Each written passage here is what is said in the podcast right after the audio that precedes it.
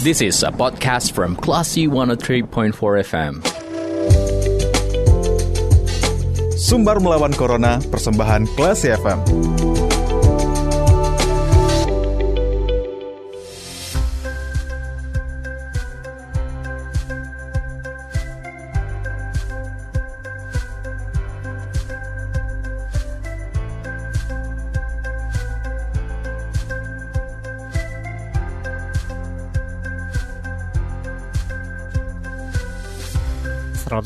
Empat kelas FM bersama kita lawan Corona. Kelas People, saatnya Anda mencermati program Sumber Melawan Corona bersama saya Faris Sardana. Kelas People, ketika kita diserang atau terserang COVID-19, salah satu yang bahaya yang mengintai kita adalah terserangnya atau badai sitokin kelas People. Lalu bagaimana nantinya ketika kita mengalami badai sitokin, apa saja organ-organ yang diserang oleh badai ini? Kita akan berbincang bersama Ketua Persatuan Dokter Paru Indonesia Sumatera Barat ada Dr. Irfan Madison yang juga beliau adalah tim medis yang menangani almarhum Bapak Nasrul Abid. Assalamualaikum, apa kabar Dr. Irfan? Waalaikumsalam, baik. Sehat ya dok, insya Allah? Alhamdulillah. Alhamdulillah. Nah dokter, akhir-akhir ini mungkin juga sudah sering kita mendengar istilah badai sitokin, yang menyerang pasien COVID-19 beberapa waktu yang lalu ada Deddy Corbuzier, kemudian juga uh, almarhum Bapak Nasrul Abid yang kabarnya juga terserang badai sitokin. Boleh dijelaskan nggak dok, seperti apa sih badai sitokin ini? Halo. Ya silakan dokter. Oh, ya. Bisa dengar ya? Ya uh, jelas sekali dokter. Halo, ya. Ya silakan dokter menjelaskan okay. bagaimana badai sitokin tersebut. Uh, makasih uh, pemirsa sekalian. Uh, badai sitokin itu adalah suatu kondisi di mana tubuh kita ini di uh, apa namanya di uh, apa secara normal hmm. kita ada daya tahan tubuh ya. Apabila ada masuk uh, kuman, virus maupun bakteri, tubuh kita akan membuat suatu pertahanan hmm. ya dengan uh, melibatkan sel-sel uh, pertahanan tubuh kita. Nah, sel-sel pertahanan tubuh kita ini akan mengeluarkan yang namanya sitokin-sitokin tadi hmm. untuk memicu uh, reaksi uh, imun berikutnya. Sitokin ini apakah Artinya, maksudnya reaksi normal maksudnya dok? Uh, apa reaksi normal hmm. ya. Dia merupakan uh, apa namanya semacam protein yang dihasilkan oleh tubuh kita juga hmm. yang merupakan uh, media media untuk um, komunikasi antar sel sel imunitas kita akan akan uh, melakukan komunikasi hmm. apakah dia mau meningkatkan sel imun yang lain itu melalui sitokin tadi hmm. uh, jadi uh, sitokin ini sebenarnya adalah pisau bermata dua yeah Artinya ada kondisinya bisa dalam kondisi yang terkontrol, dia itu mempunyai efek yang menguntungkan untuk tubuh kita. Artinya mempunyai pertahanan tubuh. Hmm. Nah, uh, pada kondisi di mana dia berlebihan terbentuknya, nah itulah yang disebut dengan pada sitokin tadi. Hmm. Sehingga tubuh kita, uh, sitokin sitokin tadi juga mempunyai efek terhadap organ-organ lain hmm. yang menyebabkan kerusakan pada banyak organ. Kalau pada kasus Bapak Nasrul Abid, dokter, organ hmm. apa yang terserang oleh badai sitokin ini? Ya mungkin saya secara umum tidak bisa menerangkan hmm. uh, per kasus ya. Privasi dok, uh, pasien itu ya dok? Privasi hmm. uh, pasien ya. Yeah. Tetapi secara umum bahwa kalau terjadi badai sitokin itu umumnya uh, banyak organ yang terkena. Hmm. Biasanya organ-organ vital ya, jantung, paru terutama karena itu respirasi ya. Yeah. Uh, yang nampak jelas itu kelihatan apanya efeknya nanti bapu uh, parunya akan putih gitu ya. Hmm. Nah, kelihatan nanti itu di ronsennya. Kemudian juga ginjalnya terganggu sehingga uh, fungsi ginjalnya akan terganggu. Hmm. Kemudian juga hatinya juga terganggu, fungsi hatinya akan uh, memburuk gitu. Yeah. Nah, juga fungsi dari otaknya. Hmm jadi penurunan kesadaran itu karena uh, adanya gangguan uh, fungsi otak sehingga semua organ pada prinsipnya itu bisa terganggu oleh adanya uh, sitokin yang berlebihan tadi. Hmm. Baik, uh, kemudian dokter biasanya kan dokter uh, tadi dokter sudah mengatakan bahwa pada sitokin itu biasa menyerang berbagai organ, ada paru, hmm. ada jantung. Kalau paru mungkin ketika di ronsen kelihatan gitu ya dok. Kalau misalkan organ-organ lain, uh, efek yang paling jelas apa dok? Apakah juga dilakukan hal yang hal yang sama atau bagaimana?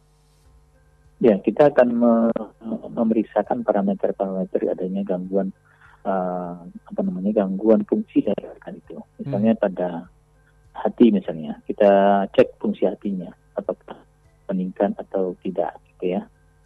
Kemudian juga di ginjalnya juga cek ginjalnya dari laboratorium. Hmm. Nah itu akan kelihatan itu fungsi ginjalnya mungkin makin memburuk. Iya. Nah, seperti itu. Nah.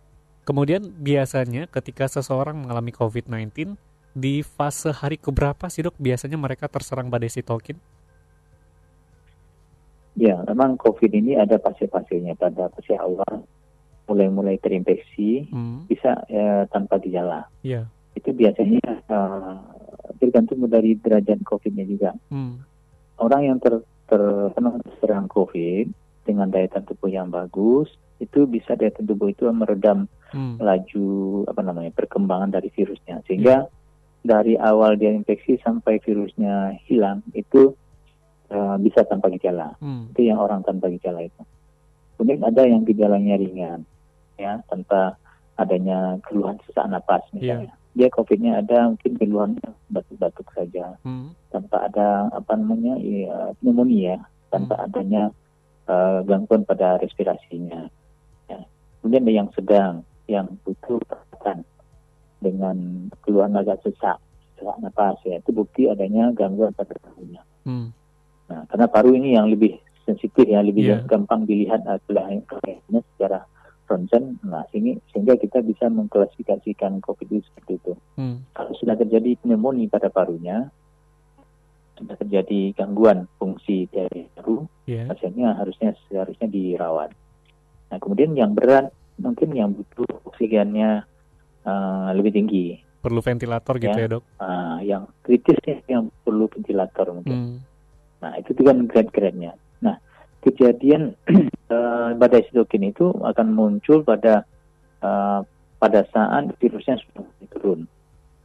Ya, saat sudah mulai turun maksudnya, Dok? Ya, pada fase inflamasi namanya, hmm. fase hmm. uh, peradangan. Peradangan ini dia akibatkan oleh uh, sitokin tadi. Iya. Ya, sitokin proinflamasi namanya. Sitokin yang menyebabkan peradangan. Inflamasi itu peradangan ya. Jadi peningkatan sitokin itu menyebabkan uh, peradangan pada organ-organ yang ada di uh, tubuh kita. Hmm. Masuk parunya, kalau parunya meradang, uh, akan memutih dia. Yeah. Nah itu kan dia terjadi uh, peradangan pada parunya akibat adanya peningkatan sitokin tadi. Nah, Baik. Sehingga kalau di parunya terjadi peradangan, hmm. pertukaran uh, oksigennya akan terganggu sehingga saturasi oksigennya jadi rendah. Itu gunanya dipantau saturasi oksigennya itu. Berarti akibat dari badai sitokin ini bisa membuat saturasi oksigen anjlok uh, drastis gitu dok? Ya, ya salah satunya itu efeknya. Hmm. Kalau uh, fungsi respirasinya terganggu, yeah. Ya. uh, baik dari uh, parunya sudah uh, lendirnya, hmm. ya, atau terjadi uh, pengentalan darah ya, karena COVID juga menyebabkan pengentalan darah sehingga aliran darahnya ke parunya juga terganggu sehingga itu menyebabkan uh, oksigen yang diserap di paru tidak juga bisa sampai ke ke organ lain hmm. sehingga terdeteksi di sana oksigennya akan rendah saturasinya. Nah, Satu, kira-kira. Hmm, saturasi normal kan biasanya 96, 97 atau 98 ya dok. Kira-kira yang paling iya. rendah akibat dari badai sitok ini bisa mencapai angka berapa dok? Iya, Ya, kalau uh, untuk saturasi dianggap uh, agak apa ya, uh, yang kita harus hati-hati itu di bawah 93, hmm. dikatakan itu harus kita uh, hati-hati. Yeah. Ya, nah, artinya itu sudah terjadi uh, gangguan di parunya, sehingga perlu suplemen oksigen ya. Hmm. Nah, suplemen oksigen itu bisa men menambahkan oksigen dari luar kalau di udara bebas ini kadar oksigennya sekitar 20 persen ya. Hmm. Nah ditambah lagi dengan oksigen tambahan ya, hmm. sehingga uh, oksigen itu bisa ditingkatkan ke darah hmm. nah, sampai tercapai saturasinya. Diharapkan di atas 93 tadi. Kabarnya ada yang sampai 50-an juga ya dok? Ada yang lebih, lebih ada juga. Hmm. Kalau sudah di bawah 50-an itu kan sudah susah untuk uh, terjadi uh, yang namanya hipoksia. Hipoksia hmm. itu kekurangan oksigen di jaringan. Yeah. Nah, menyebabkan nanti kerusakan jaringan juga menambah lagi terjadinya peradangan inflamasi di organ tersebut. Hmm. Nah, peradangan itu sendiri juga memicu terjadinya sitokin yang baru. Nah, itu yang bergulir terus. Hmm. Jadi hipoksia tadi atau kekurangan oksigen di jaringan itu memicu terjadinya peradangan baru. Ya, sitokinnya akan naik lebih. Nah, itu yang menyebabkan pada sitokin tadi. Yeah. Jadi uh, semacam uh, apa namanya lingkaran setan di situ. Hmm. Jadi hipoksianya uh, menyebabkan bertambahnya peradangan, peradangan itu juga memicu hipoksia. Hmm. Sehingga kalau tidak diatasi kekurangan oksigennya akan hmm. menyebabkan banyaknya organ yang rusak. Baik. Dokter, proses pengobatan yang biasanya dilakukan untuk uh, menghadapi badai sitokin ini seperti apa, Dok? Apakah kan dokter mengatakan bahwa sitokin ini uh, berlebih sehingga menyebabkan badai tersebut? Apakah sitokin yang berlebih itu dibuang atau seperti apa, Dok? Ya, uh, sitokin itu ada seperti yang saya sebutkan tadi uh, semacam pisau bermata dua. Yeah. Artinya ada sisinya yang dibutuhkan oleh tubuh untuk memicu uh, itu sendiri. Hmm. Nah, kelebihannya ini yang bisa menyebabkan uh, apa namanya bisa menyebabkan kerusakan pada organ yang menyebabkan peradangan itu. Hmm. Nah, itu bisa diberikan bermacam uh, pengobatan. Hmm. Pertama untuk si inflamasinya di, diberikan anti peradangan gitu ya. Kemudian juga ada obat yang juga mengurangi uh, sitokinnya sendiri meredam ya hmm. jumlah sitokinnya sendiri ada juga. Kemudian juga mengatasi uh, kerusakan organ yang terjadi. Misalnya kalau terjadi gangguan fungsi ginjalnya, fungsi ginjal ini bisa di, diatasi dengan uh, melakukan pencucian darah misalnya hmm. dengan alat uh, khusus seperti orang cuci darah yeah. ya pada kelainan ginjal. Nah, itu diganti dengan alat-alat tersebut. Baik. Dokter, ketika seseorang sudah dinyatakan negatif COVID-19, sudah dinyatakan sembuh, apakah juga berpotensi mengalami badai sitokin? Ya, masih masih ada. Kan itu yang disebutkan tadi bahwa uh, sitokin storm ini terjadi pada saat uh, virusnya sudah mulai Membaik, menurun. Menurun, ya. Bahkan pada kondisi di mana sudah negatif. Nah, sitokinnya yang masih tinggi. Bisa uh, memicu terjadinya kerusakan organ. Hmm. Biasanya di hari keberapa sih dok? Maksudnya berapa hari kita harus waspada ketika kita sudah dinyatakan sembuh, dinyatakan negatif dari COVID-19? Berapa lama kita harus waspada terhadap badai sitokin ini? Ya, kalau infeksi virus ini kan berlangsung sekira kira-kira dua minggu ya. Itu sebabnya kita di apa namanya dilakukan uh, isolasi mandiri itu kan sekitar 10 sampai dua minggu ya, 10 yeah. hari sampai dua minggu. Hmm. Itu pada saat itu uh, virusnya um, melakukan replikasi di tubuh kita. Hmm. Setelah dua minggu dia akan turun sendiri. Akibat adanya apa namanya daya tubuh kita sudah mulai terbentuk, hmm. virusnya hmm. diredam laju pertumbuhannya seperti itu. Kemudian uh, setelah itu baru akan kalau virusnya masih masih berlangsung itu masih pada saat virusnya ada dan uh, tubuh kita melakukan uh, apa namanya semacam uh, respon yeah. terhadap terhadap virus tadi dengan uh, dengan banyaknya sitokin yang keluar, kemudian terjadinya uh, kekurangan oksigen yang lama, mm. terjadi hipoksia jaringan dan itu itu pun memicu terjadinya peradangan organ yang lain sehingga sitokinnya juga bertambah. Nah, itu yang memicu terjadinya badai sitokin tadi. Hmm. Baik. Apakah juga badai sitokin ini juga punya potensi terjadi dua kali, dok?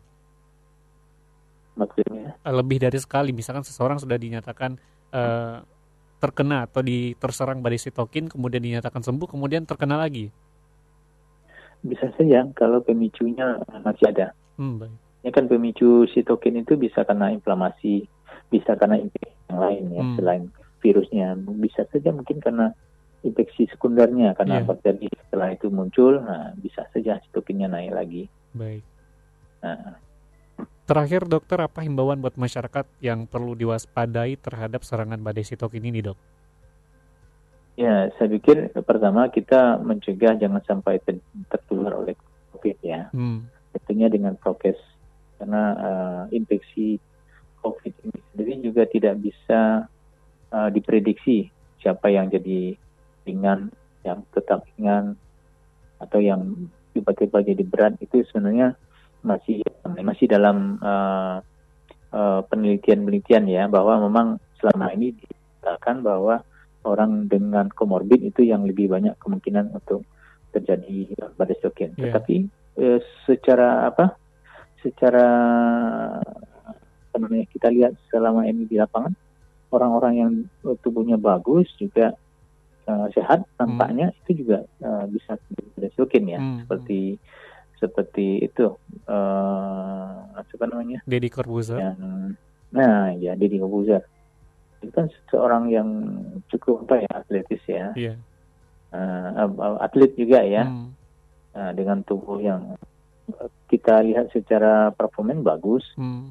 tapi dia juga bisa terkena ya kan nantinya tidak tidak bisa diprediksi bahwa orang olahragawan tidak terhindar dari badai sitokin juga tidak. Hmm.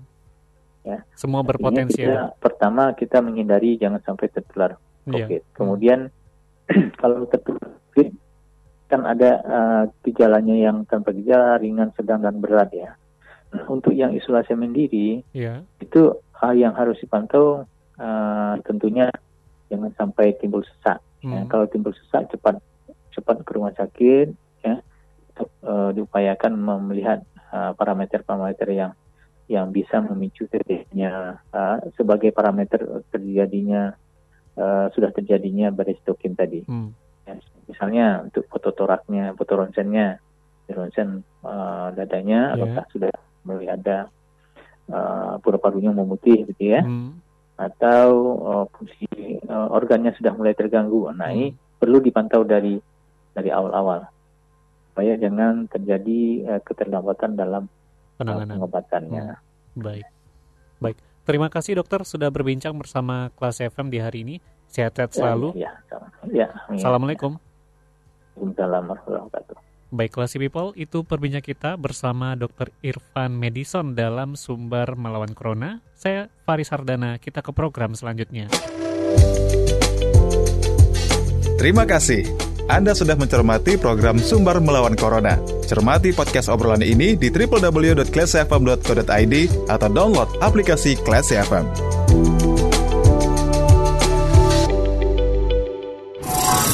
This is a podcast from Classy 103.4 FM.